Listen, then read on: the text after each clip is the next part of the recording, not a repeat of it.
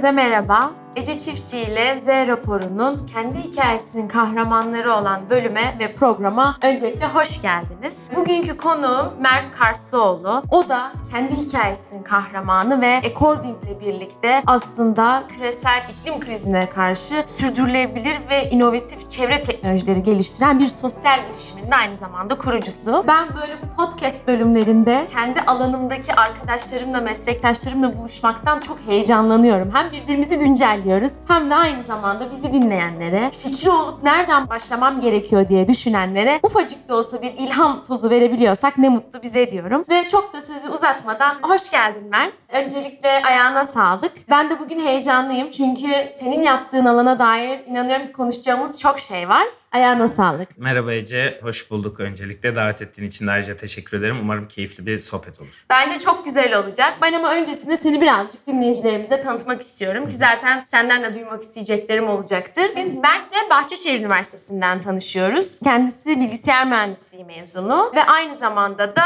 According ile birlikte inovatif çevre teknolojileri geliştiren bir sosyal girişimci ve bu anlamda zaten iklim krizine karşı hep birlikte mücadele edebilmemizi sağlayan Türkiye'deki çok önemli bence sosyal girişimlerden bir tanesi. Ve aynı zamanda da Fortune 46-40 listesinde de ismini altın harflerle yazdıran bir sosyal girişimci. Dolayısıyla böyle ufacık bir giriş yaptıktan sonra Mert seni senden dinlemek bence her zaman zaten en güzeli. Ve biraz hani bu according yolculuğunu dinleyelim istiyorum. Nasıl başladık, nereye geldik ve burada Mert kimdir, ne yer, ne içerdi de according diye bir sosyal girişim bugün karşımıza çıktı. Sendeyiz. Aslında ben yaklaşık işte 27 yaşındayım bahsettiğin gibi ve bir bilgisayar mühendisiyim. Yaklaşık 4-4,5 senedir de According'de çalışıyorum. Ben Artvin'de doğdum, büyüdüm ve ailem de orada yaşıyor hala. Ardından lise için Ankara'ya gittim. Ardından üniversite için de İstanbul'a geldim. Biraz daha böyle akranlarıma nazaran yeşilin içerisinde bir çocukluk geçirdim ve hali hazırda da böyle bir süreç barındırdığı için aslında çocukluk dönemim. Biraz daha doğa ve çevresel problemler ya da çevreyle alakalı konulara nacizane biraz daha ilgim vardı o süreçlerde. Daha sonra aslında sen biraz mütevazi bahsettin. Ben senin dersinde aslında sosyal girişimcilikle tanıştım. Akademik hayatı başarılı olan bir öğrenci değildim açık konuşayım. Öyle biri olmadığım için de aslında o süreçlerde aslında her derste ilgimi yeteri kadar çekmiyordu. Daha sonra işte senin açtığın bir toplum hizmeti uygulamaları Evet. şeklinde bir ders vardı. Seçmeli dersti bu. Ve o ders ilgimi çekti açıkçası ders seçimi sırasında. Daha sonra da işte bu derse girdik. Derste doğrudan zaten senin ilgili süreçte sosyal girişimcilikle işte gönüllülük kavramlarıyla tanışma fırsatı buldum ben. Ve konu açıkçası benim bayağı ilgimi çekti. Çünkü çok şeyi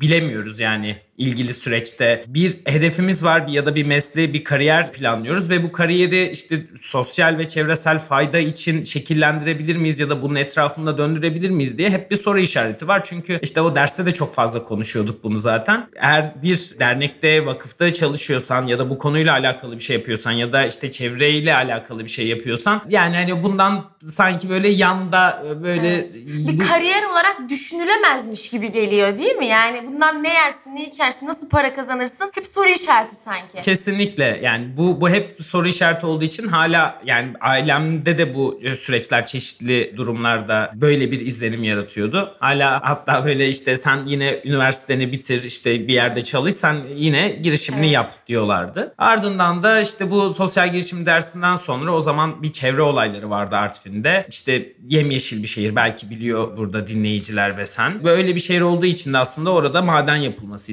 isteniyordu ve orada işte insanların sahip olduğu tek şey doğaydı. Ve o şirketi yöneten, o madeni yapmak isteyen şirketleri yöneten insanlar ya da işte orada çalışan personel, orada yaşayan halk çevre konusunda aslında yeteri kadar bilinçlenirse bu çevresel problemlerde biraz daha böyle çözülebilir bir hale geleceğine inandık. Aynı zamanda da işte mühendislik öğrencisi olduğumuz için biraz daha teknolojiye de ilgimiz vardı. Sonra bunları bir harmanlayabilir miyiz dedik. Yani aslında çocukluktan beri bu konuyla alakalı çalışan ya da girişimcilik ruhu olan bir insan mıydım diye düşünüyorum. Aslında değildim. Ama yani hani burada bir şeyler yapmak istiyordum sadece. Çünkü problemleri gördükçe kayıtsız kalamıyor Kesinlikle, insan kesinlikle. durumlara. Ve bu yüzden de aslında According'in serüveni başlamış oldu. Ondan sonra da aslında bugün geldiğimiz noktada işte çeşitli ürünler, fikirler geliştirdik. Bunları prototipleyip işte pazara soktuk. Ve bugün aslında 16 kişilik bir ekiple beraber çalışıyoruz. Aynı zamanda İstanbul'da ve Hollanda'da bir ofisimiz var. Aslında çalışmalarımızı böyle iklim krizine çözüm olabilecek işte teknolojiler üreterek ve bunları geliştirerek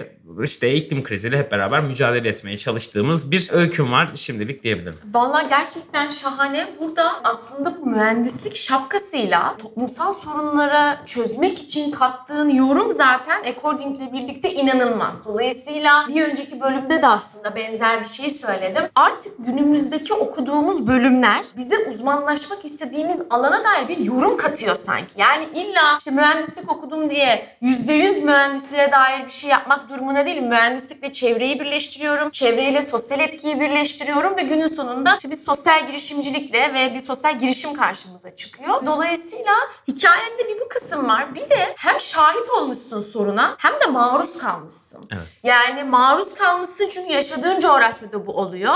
Şahit olmuşsun bu seni rahatsız etmiş ve ikisini işte biz gönüllülüğü de anlatırken aslında sosyal olaylara profesyonel olarak dahil olmayı da anlatırken bu ikiliyi seviyoruz. Şahit ve maruz olan kişinin zaten sürdürülebilirliği de bu anlamda yüksek oluyor. Dolayısıyla tabii bir tarafta bunlar var. E bir tarafta da senden aslında üniversiteyi bitirmen, bir an önce meslek hayatına atılman gibi toplumsal büyük kalıplaşmış beklentiler var. Dolayısıyla ilk şeyi sormak istiyorum. Yani bu fikri hayata geçirmek için o hepimizin aradığı cesaret İlk nerede geldi, nasıl geldi? Ve ikincisi de aslında bu girişimlerimizi ve hayallerimizi hayata geçirmenin bir sınırı var mı senin için? Yani bir yaşı mı beklememiz gerekiyor yoksa zaten o gelip bizi buluyor mu? Çünkü bugün dünyaya baktığımız zaman aslında Z kuşağıyla birlikte herkes potansiyel bir sosyal girişimci. Ama ben bunun Mert'in hikayesinde, kendi hikayesini yazdığı yolculukta nasıl imzalandığını merak ediyorum. Aslında o tarafında şöyle bir süreç oldu. İlk çalışmalara başlarken işte sosyal girişimcilik serüvenine yani bir girişimci olup ya da başarılı ya da böyle daha sürdürülebilir bir iş yapıp yapmayacağımızla alakalı en ufak bir fikrimiz yoktu. Sadece orada biz bu problemle bir şekilde bir fikirle mücadele etmeliyiz şeklinde bir fikrimiz vardı. Ama yani şeyi de çok net olarak görüyoruz yani. Bunu yapabilmek ya da ilgili süreçte bunu cesaret edebilmek de zor oluyor. Çünkü birçok problemle karşılaşabiliyoruz günlük hayatlarımızda. Zaten dünyanın da çeşitli alternatif problemleri var ve yani sırf sadece bu tarafa odaklanabilmek bile zor. O zaman bu tercihleri yaparken ya da işte bu sürece koyulurken aslında hayatımda herhangi bir şey iyi gitmiyor diyebilirim. Yani açıkçası bir şeyi başarmalıyım içgüdüsü ve aynı zamanda bu problemle de mücadele etmeliyim içgüdüsü her her zaman çok daha kuvvetliydi. Zaten biraz daha çevreyle alakalı bir şey yapacağımıza hem fikir olduktan sonra zaten verileri araştırıyoruz ve dehşete kapılıyoruz. Yani buradaki okumalara da her zaman erişemiyoruz. Biz iklim krizini konuşurken ya da iklim krizi olarak tırnak içerisinde tanımlanırken 2016-2015'te iklim değişikliği deniyordu ve etkilerini Evet. çok fazla hissetmiyorduk. Ve bugün geldiğimiz noktada doğru bir yerde durduğumuzu ve en azından bu konuyla alakalı çalışmaya o zaman doğru şekilde başladığımızdan eminim. Şu da var. İşte o sürece başladıktan sonra ne yapacağımızı bilmiyoruz tabii ki. Yani hani bir fikir var. Evet bunu hayata geçireceğiz. Burada da işte aslında senin ve senden aldığımız dersler ve de ilgili süreçteki işte edinimler ve deneyimler bu tarafta çok kritik oluyor. Yani çünkü herkes bu sürece işte ben işi biliyorum diye girmiyor. En fazla kurumsalda bir deneyimimiz olabilir belki ya da bir dernekte, vakıfta bir deneyimimiz olduktan sonra bu sürece girişebiliriz diye düşünüyoruz. Ama bu işin bence bir yaşı yok. Yani şunu söyleyebilirim. Hata yaptıkça çünkü daha fazla hırslanıp daha başarılı olmak için ya da daha doğru aşamalar ve planlayabilmek için bir şeyleri yapmamız ve şekillendirmemiz gerekiyor. Bizde de aynı böyle oldu. İşte hatırlarsan belki ben bir fikir yazmıştık. Bir böyle Çok bir taslak oluşturduk. Daha sonra ben senin işte yanına geldim ve anlattım aslında ilgili süreçte. Ve ilk duyduğumda hani bahsettiklerin bir en dışarıdan bir insana ilk sana bahsetmişimdir Evet, herhalde bu evet. fikri. Ve böyle olduğu için de senin orada yaklaşımın ve ilgili sürecin zaten bir ilham oldu. Aynı zamanda da gelecekle alakalı neler yapabileceğimizle alakalı bir şeyler çizdi. Çünkü dev bir dünyaya girişiyoruz. Paramız yok, insan gücümüz yok, bilgimiz yok. Yani bunların hepsi birer dezavantaj gibi görünüyor. Ama süreç içerisinde aslında bir şeyleri yaptıktan sonra özellikle sosyal ve çevre fayda odaklı bir şey yaptığımızda insanlar aslında bir işin bir yerinden tutup destek olmak istiyorlar sana ve bunu çok net gördük. Dokümantasyonları okuduk. ilgili süreçte işte farklı modellemeler birçok başarısızlıklar şey yaptık. Bir işte dernek açmaya çalıştık. Derneği açtık falan ama opera edebilmek çok zordu bizim için. Yani gerçekten bir derneği hızlı bir şekilde işte büyütüp oradaki bürokratik ya da stratejik süreçleri planlarken bayağı yavaş kaldığını en azından biz o Evet, süreçte evet. çok çok kuvvetli bir şekilde ve ilk fail'larımızdan bir tanesi buydu zaten. Daha sonra bir girişim olarak bu işi yapmalıyız. İşte bir yani bir şirket olarak bu işi yapmak biraz daha hızlı hareket edebilmemizi sağlayacak gibi bir durum söz konusu oldu. Tabii böyle olunca da işin sürdürülebilirliğini yakalamak ve ilgili aşamalarda ürünleri geliştirmek gibi sorunlar yaşadık. Yani hani bunlar sorun demeyeyim daha doğrusu süreç içerisinde zaten olması gereken şeylermiş. Bunu bugün Sizi öğreniyorum. bugünkü noktaya getiren şeyler aslında değil mi? Kesinlikle. Senin de hikayenin aslında paralelinde bu tarz şeyler Aynen öyle. tamamıyla var. Çünkü tamamı aslında birçok aşaması hayal kırıklıklarıyla Aynen dolu. Ama bir yerde işte bir çocuğun mutluluğunu Evet. gördüğünde, bir yerde işte senin attığın tohumun büyüdüğünü gördüğünde, bir kadına istihdam sağladığında işte ya da ailesinde yarattığın etkiyi ve yüzlerindeki mutluluğu gördüğünde Evet ben bu işe devam etmeliyim kesinlikle. En azından dünyada işte öldüğümde dünyaya güzel bir iz bırakmış Aynen ve gitmiş olacağız şeklinde yaklaşıyorum. Kesinlikle ve ben bizi biraz böyle tanımlarken davası ve derdi olan tipler olarak tanımlıyorum. Çünkü gerçekten kafamızı çevirebiliriz o sorunu gördükten sonra. Ama biz o sorunla içselleştirip bunu çözmek için kendimize misyon edilen kişileriz, sosyal girişimciler olarak. Ve dolayısıyla da tam da bu noktada aslında sen o kadar güzel bir şeye değindin ki ya elimizde kaynak olarak hiçbir şey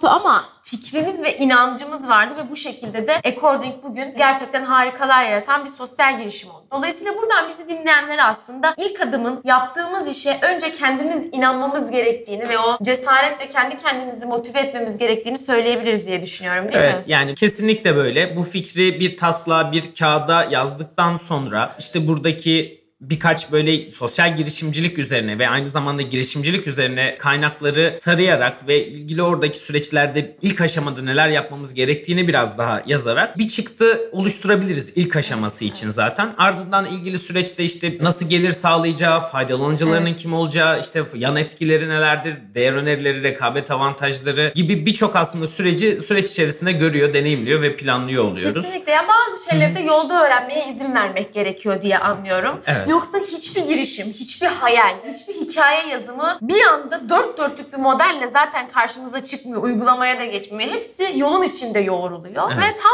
da bu noktada şeyi de sana sormak istiyorum. Şimdi According'in bir aslında çalışma alanı var. A- Dijital tarımda da tohumlamayla da bildiğim kadarıyla çalışmalar yürütüyor. Biraz bize sahadaki operasyondan da bahseder misin? Yani şu an neler yapıyorsunuz? Aslında biz According içerisinde According App ve Ecodrone adını verdiğimiz iki farklı teknolojik iklim krizi çözümü üzerinde çalışıyoruz. Şu anda According App yayında değil ama onu da Ocak'ta yayın alacağız. Ecodrone'larla hali hazırda veriyor olduğumuz servislere devam ediyoruz. Ecodrone da aslında ağaçlandırması gereken, ulaşılması zor alanlara havadan tohum topu atışları gerçekleştirerek dünyadaki ağaçlandırma ve biyoçeşitlilik çalışmalarına teknolojiyle destek verdiğimiz bir insansız hava aracı. Bunu biz içeride bu zorlu operasyonları yapabilmeleri için geliştiriyoruz. Türkiye'de ve ekibimiz tarafından geliştiriliyor. Bu üründe de aslında bi- biliyorsun iklim krizini işte çözebilecek ya da belki çözüme kavuşturacak birçok farklı aşama var ve tek bir tanesi bütün krizi çözmüyor ama her birinden işte biraz biraz aslında kuvvetlendirerek ürünleri ve alternatifleri bu problemle en azından mücadele edebilir noktada oluyoruz. Bu insan hava araçlarının işte aynı zamanda atışını gerçekleştirdiğimiz tohum toplarında iklim krizinden dezavantaja uğrayan ve ekim sahalarımıza yakın bölgelerde yaşayan kadınlarla beraber üretiyoruz. Bu sayede onların alternatif gelir kaynaklarına erişmelerini sağlıyoruz. Hep beraber mücadele ediyoruz. Bir insan hava aracı geliştirdik. İşte tohum atışları yapıyoruz. Buradaki süreçte tamamıyla doğadan ilham aldığımız bir alternatifti zaten. Yani dünyadaki orman, doğal ormanların tamamı ağaçlardan düşen kozalakların içerisinden saçılan tohumların rüzgar veya kuşlarla etrafa yayılmasıyla oluşmuştur. Biz de aslında üzerine teknik bir deneyimimiz yoktu. Evet bunu doğa yapıyorsa biz toprağa minimum müdahaleyle tohumları daha uzak noktalara götürerek buradaki hayat potansiyellerini var edebilir miyiz? Bu çalışmalara destek olabilir miyiz diye değerlendirdik. Süreç içerisinde tabii birçok farklı teknik altyapı gerektirdi ilgili süreç. Ama bunları araştırarak işte oradaki problemlerle biraz daha mücadele ederek ürünü ya- yaptık. Sonrasında da işte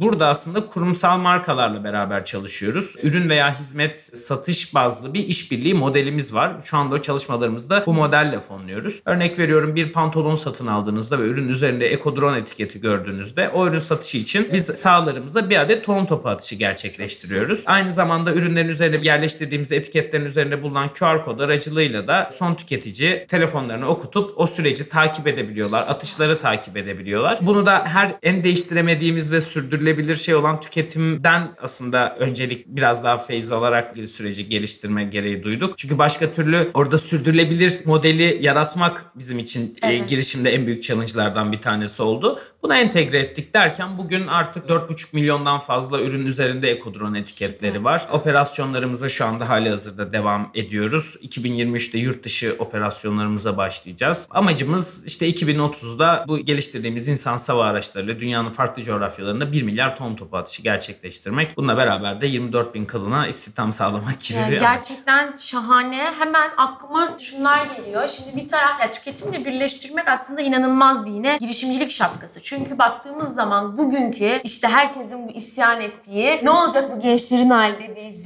kuşağı aslında yaptığı alışverişlerde ve tüketimde inanılmaz anlam arıyor. Yani biliyorsun işte iş başvurularında, alışveriş sürecinde, hayata dair bütün steplerde onların gündeminde anlam ve bu da sosyal fayda üzerine bir anlam var. Dolayısıyla zaten biz bugün yaptığımız sosyal girişimlerdeki işlerimizi tüketim ve üretim tarafında onların bu kültürünü göz ardı edemeyiz ki sen bunu zaten çok güzel bir şekilde birleştirmişsin. Yani hem alışverişimin içinde fayda var hem de bunu bizzat beni şahit bırakıyorsun o sürece. Ve dolayısıyla da ürünle bir bağ da kuruyorum. Ve diğer taraftan da aslında şunu da sormak istiyorum sana. İşte dedin ki ilk başlayıcı bu iklim değişimiydi. Şimdi iklim krizine dönüştü. Ve bunun bir sürü felaket senaryoları da var. Ben de bundan iki yıl önce Güney Afrika'ya gitmiştim. Orada bir sürdürülebilirlik eğitimi almaya ve oradaki bu iklim e, krizine farklı perspektifte bakanlar da var diye biliyorum. Ve onlardan bir tanesi de bir hocamız da oradaki şunu söyledi. Dünyanın kendini, evrelerini tamamlayabilmesi için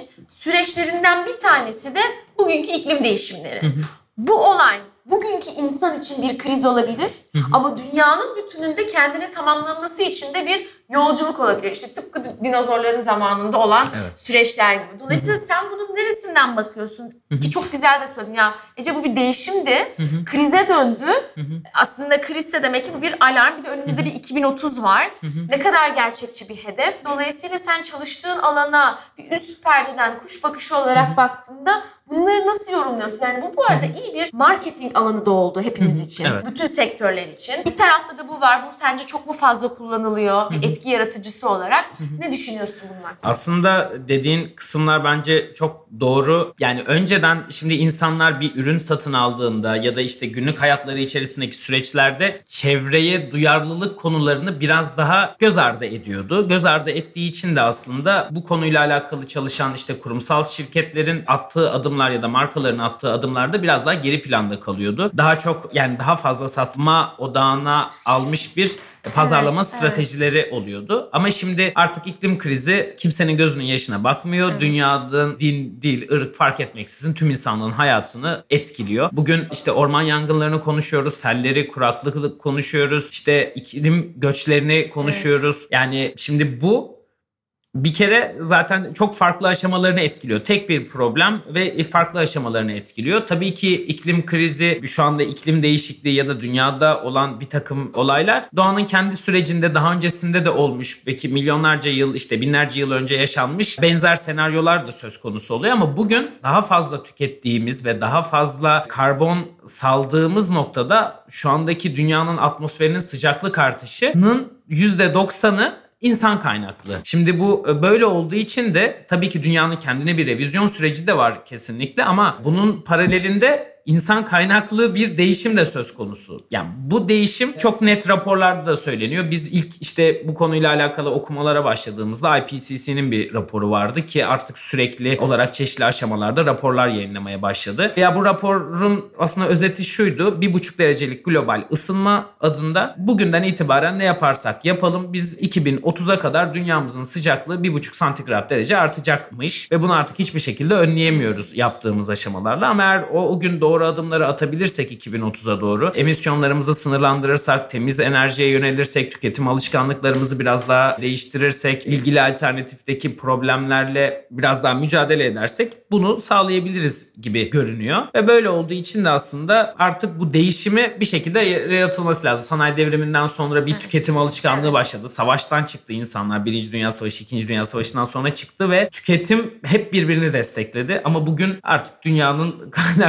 kaynaklarının bir yıldaki dünyanın bize sağladığı kaynakların 1.7 katını kullanıyoruz artık biz insanlık olarak. Bir yerden değiştirmemiz lazım ve bu değişimi de görüyoruz artık. Artık tüketici talep ettiği için de marka bu tarafa tüm çalışmalarını evriltebiliyor. Yani çünkü bütün yapılar, kurumsal yapıların tamamı aslında tüketiciye göre, insanların Kesinlikle. alışkanlıklarına, yapılarına ve taleplerine göre şekilleniyor. Bugün de bunu görebiliyor olmak çok umut verici. Ne kadar başarılıyız ya da ne kadar açıkçası derinine indik bu konunun ondan emin değilim açıkçası. Kat etmemiz gereken fazlaca yol vardır. Senin görüşünü de ben bu konuyla alakalı merak ediyorum. Ama yani bunlar bir şekilde başlar ve hani kuvvetlendirerek devam ettiğimiz sürece belki buradaki problemleri işte lokal olarak böyle çözerek daha etkiyle kuvvetlendirebiliriz diye Kesinlikle düşünüyorum. ben bir de burada şöyle bir kendi içinde bir tezatlık görüyorum. Bilmiyorum ne kadar doğru ama bir taraftan iklimle birlikte aslında iklim kriziyle birlikte aslında işte dünyamızı daha fazla işte sarıp sarmalarken, dikkat ederken,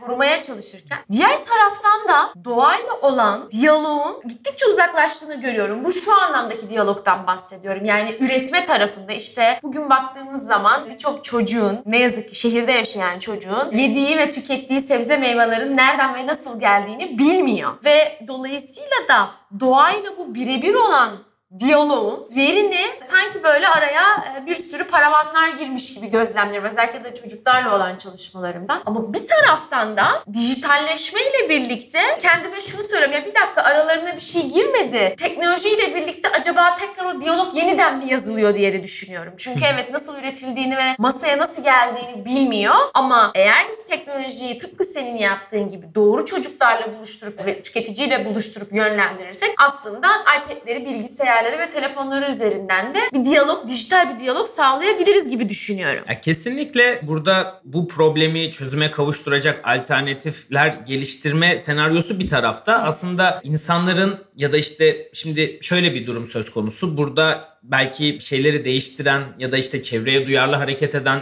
çocuklar bir tarafta. Bu çocuklar büyüdüğünde büyük kurumsal şirketlerin Aynen işte başlarına geçebiliyorlar. Kendileri bir hikayeye kalkışabiliyorlar. Yani kendi etrafında çevreye duyarlı alternatif kararlar verebilme konusunda da daha hevesli ve istekli Doğru. olacaklardır. Yani bunun böyle olduğunu gördükten sonra ister iklim krizini çözecek bir ürün geliştir, ister örnek veriyorum işte bir fabrikayı mesela yönetiyorsa ya da bu fabrika bu kişinin ya da doğrudan sorumluluğundaysa o fabrikanın çevreye duyarlı bir şekilde işte faaliyetlerini sürdürmesi onun sorumluluğunda ve bunu uygulamak da o kişinin sorumluluğunda olduğu için bence buradakilerin hepsi tamamıyla bir kelebek etkisi. Bunu ne kadar kuvvetlendirebilirsek ve insanlara anlatabilirsek o bizim için kritiktir diye düşünüyorum. Kesinlikle sen de bu anlamda aslında çok doğru bir örneksin. Yani çünkü büyük şehirde bir deneyimin olmuş. Aynı zamanda Artvin'deyken doğayla olan diyaloğunu hiç koparmayıp bunu şehre ve oradaki derdi de aslında şehre taşıyıp bunu da şu an bir döngüsel bir şekilde tekrardan geri veriyorsun ve o sorunu çözmeye çalışarak gibi modelle geri veriyorsun. Dolayısıyla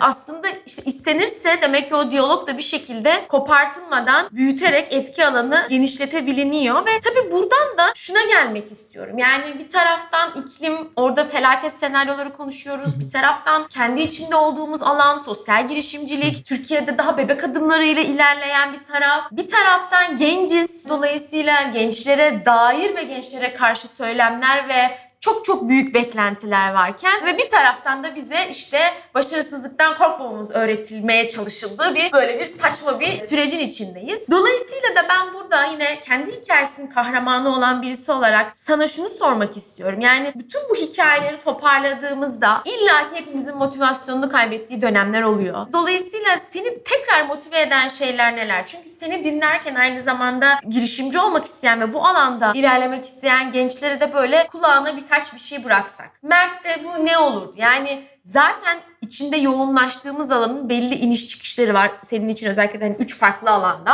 ama hepsi bir yolculukta buluşuyor. Bu motivasyon dalgalanmalarına ne yapmak lazım? Sen ne yaptın? Formülün nedir? Ya aslında bunun tek bir formülü yok. Yani şuna odaklanmak gerekiyor. Ben en azından kendimi öyle motive ettim. Şimdi etrafımda ki arkadaşlarımın neler yaptıklarına biraz daha bakıyorum ya da hayattan ne istediklerine, motivasyonlarına ilgili süreçlerde. Şimdi zaten girişimciliğin herhangi bir senaryosu hayal kırıklıklarıyla biraz daha dolu oluyor. Evet. Biz tabii ki bir sosyal ve çevresel etkisi olan bir iş yaptık kesinlikle ama yani bazı işte bariyerler var. Nedir? İşte finansal sürdürülebilirliği nasıl Kesinlikle. sağlayacağız? Doğru ekibi nasıl kuracağız? İşte ürünü nasıl ölçekleyeceğiz ve daha pazarda kuvvetlenebilecek hale getireceğiz? Bunların hepsi bizim için çok zorlu oldu. Tabii basit bir şekilde başlayan bir hayal 2 sene sonra, 3 sene sonunda en azından bu bizim için daha çalışabilir hale geldi. Hep bu da böyle bir, bir bebek adımlarıyla başlayıp bir süre sonra zaten insanların daha fazla gördüğü ve işte katlanarak devam eden bir etki olarak kalıyor. Etrafıma baktığımda neler yapıyor insanlar diye düşündüm ve hayatlarından aslında çeşitli aşamalarda mutlu oldukları biraz sorgulanabilir oldu. Çünkü kariyerden beklediğimiz asıl şey yani üniversiteyi bitirdikten sonra belki işte akademide, belki işte kurumsal bir yerde, belki kendi işte bir iş kurup deneyerek aslında birçok farklı aşamasını deneyimleyebiliriz. Diğerlerine baktığımda yani ben girişimimizi fail ettiğimiz senaryoda neler yapabilirim diye baktığımda oradaki o senaryoları yaşayan insanların da yeteri kadar mutlu olmadıklarını gördüm açıkçası. Ve bununla beraber de bugün hani yapıyor olduğumuz iş işin şöyle bir keyifli tarafı var. Yani bugün işe gittiğimizde ya da bir şey yapıyor olduğumuzda dünya için bir şey yapıyor oluyoruz zaten evet, otomatik evet. olarak. Yani onu uyarlamaya çalışmıyoruz ve sosyal girişimler aslında ne kadar çok daha fazla çalışırsa o kadar faydalanıcıları işte ya da o sosyal ve çevresel etkisi kuvvetlenerek devam ediyor. Ve buradaki motivasyonu hep gözümüzün önünde bulunduruyoruz. Bahsettim ya işte konuşmanın başında. Bir etkimizi götürdüğümüz bir kişiye, bir insanın yüzündeki mutluluğu gördüğümüzde işte küçük bir işte tohumdan bir fidan büyüttüğümüzde ve bunu gözümüzde gördüğümüzde ya evet doğru işi yapıyorum. En azından belki çok eforu var. Çok belki para da kazanmayacağız. Kazanmıyor olacağız. Yani hiçbir şeyin sonuçta net bir kesinliği yok. Ama yani hani bu, bu her zaman çok kuvvetli bir şekilde motive etti. Çünkü insanlar hep destek oldular. Yani en azından kötü bir şey duymadık. Belki ilk aşamalarda tabii ki çeşitli motivasyon kayıpları söz konusu oldu ama yani sen de zaten o Evet. süreci çokça deneyimledin. Çok heves ettiğimiz şeyler oldu. Yani bir şeyi çok hevesleniyoruz mesela. Hiç görmedik tabii ki o süreci deneyimlemediğimiz için. Örnek veriyorum bir işbirliği yapacağız ya da işte bir ürünü pazara çıkacağız. Çok heyecanlanıyoruz hiç deneyimlemediğimiz için. Ardından böyle o beklediğimiz gibi olmuyor ya da iş sonuçlanmıyor. Sonrasında çok üzüldük yani çok üzülüyoruz ve üzüldüğümüz için de açıkçası bunlar bizi çok demotive eden şeylerdi. Hatta böyle bayağı da bir çeşitli süreçlerde de oldu yani 2018'de falan evet doğru işi yapmıyor muyuz? Doğru model değil mi? Tabii ki tamam güzel ama işte bir şekilde önümüze bakmalıyız dediğimiz yerde bir ışık oldu ve daha sonrasında etkimizi kuvvetlendirmeye başladık. İşte artık o modeli daha doğrusu insanlara nasıl sunacağımızı deneyimledik. Bunu bu şekilde atlattık ama yani hani genelde ana motivasyon kaynağımız şeyde oldu. Yani o sosyal etkisi olan bir iş varsa ortada biz bundan vazgeçilebilir gibi değil. Çünkü arkamıza dönüp baktığımızda çok daha güzel bir geçmiş bırakıyoruz. İz yani. bırakıyoruz. İz yani bırakıyoruz, evet. birincisi iz bırakıyoruz. İkincisi de aslında biraz önce konuştuğumuz gibi biz de hani yaşlarımız birbirine çok yakın. Yani Y kuşağının sonu da bence işinde anlam arıyor. Çünkü bizi bütün zorluklara rağmen işi sürükletiren şey anlam. Sahada gördüğümüz. İşte sen fidanı gördüğün zaman ve onun yarattığı dünyaya bir şey kattığın zamanki heyecanı. İşte bizim tarafta çocuklar tarafındaki heyecanı. Dolayısıyla anlama dair bir yatırım yapıyoruz biz de aslında. Evet. Ve yine söylediklerinden diğer çıkardığım mesajlardan bir tanesi de bu iş galiba yin yang gibi bir şey. Yani full başarılı olduğumuz bir dönem yok. Full motivasyonumuzun yüksek olduğu bir mümkün değil. Çünkü insanız günün sonunda ve hepsine aslında nasıl yorumladığımızla ilgili ilgili bir durum bence bu. Yani ben hep şey derim mesela başarıyla başarısızlık takım arkadaşı bunları el ele tutuşturalım. E, aynı şey duygu durumlarımız için de geçerli. Ve dolayısıyla da ben de bu dediklerine çok katılıyorum. Yani bizi yaşatan galiba sahada gördüğümüz şeyler. Aynen her tarafta var çünkü ya bu başarısızlık ne işi yaparsak yapalım bu hayatımızın içerisinde var zaten. Öğrenmek de bunun içerisinde. Kesinlikle. En şey inat etmek bence o tarafla alakalı. Yani bir şeyi başarılı yaptıysak ve başarılı kıldıysak bugün belki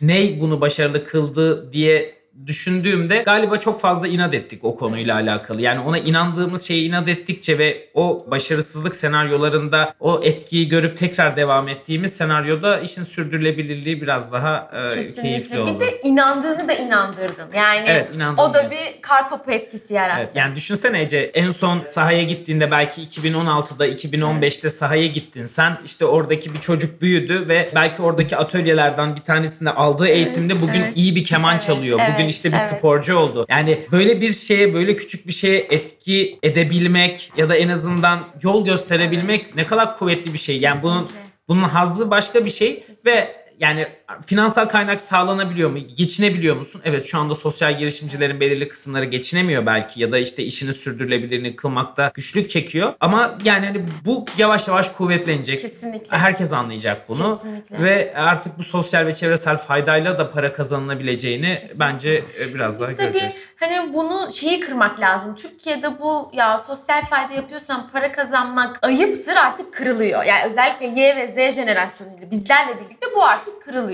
Öbür taraftan Dünya da zaten buradaki sosyal etki yatırımcılığı dediği son 6 yıldır konuştuğu inanılmaz bir pazar var orada Evet. da. Ve artık o pazar işte biraz önce dediğin gibi de şunu söylüyor. Yani fayda zorunlu artık. Evet. Dünyanın alarm vermesinin yanında da artık zorunlu. Çünkü çok güzel söyledin tüketici bunu istiyor. Evet. O yüzden ben bizim dönemin altın çağının çok yakın olduğuna inanmak istiyorum.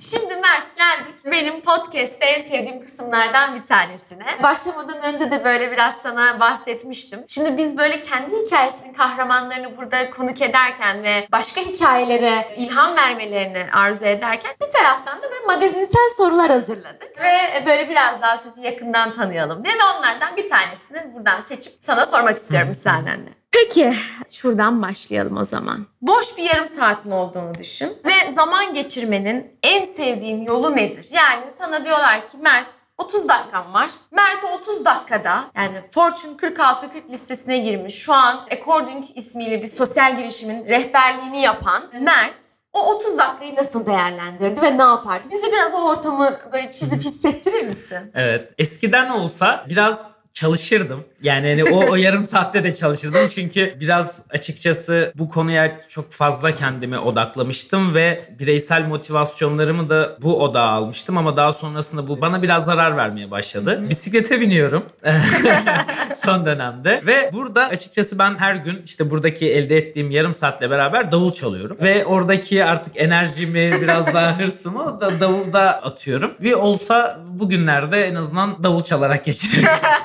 Peki şahane aslında tabii bizim de böyle benzer dediğin süreçleri ben de yaşamıştım. Böyle ilk fırsatta daha fazla çalışmak, daha fazla çalışmak ve sonra fark ettim ki körleşmeye başlamışım. Üretebileceğim yerde köreliyorum ve sonrasında onlara zaman açtıkça daha fazla üretmeye başlıyorsun. Evet. O Farklı yüzden- bir şey konuşamamaya başladık. Evet, başladık. evet. Sen de belki de onu düşünüyorsundur. Evet o yüzden buradan bizi dinleyen girişimcilere en büyük şeyimiz kendinizi unutmayın bu yolculukta. Evet. Mert ayağına sağlık. Çok keyifliydi. Bir bu kadar daha konuşabilirim. Seni de dinleyebilirim ama böyle dinleyicilerimizin de tadı damağında kalsın istiyorum. Ayağına sağlık. Çok teşekkür ederim Ece. Bence de çok keyifliydi. Yani en azından seni anlayan birileriyle konuşmak insana gerçekten çok, Çok iyi hissettiriyor. Yalnız değiliz. Ee, çok keyifliydi benim için de. Ayrıca teşekkür ederim Çok tekrar teşekkürler. davet ettiğin için.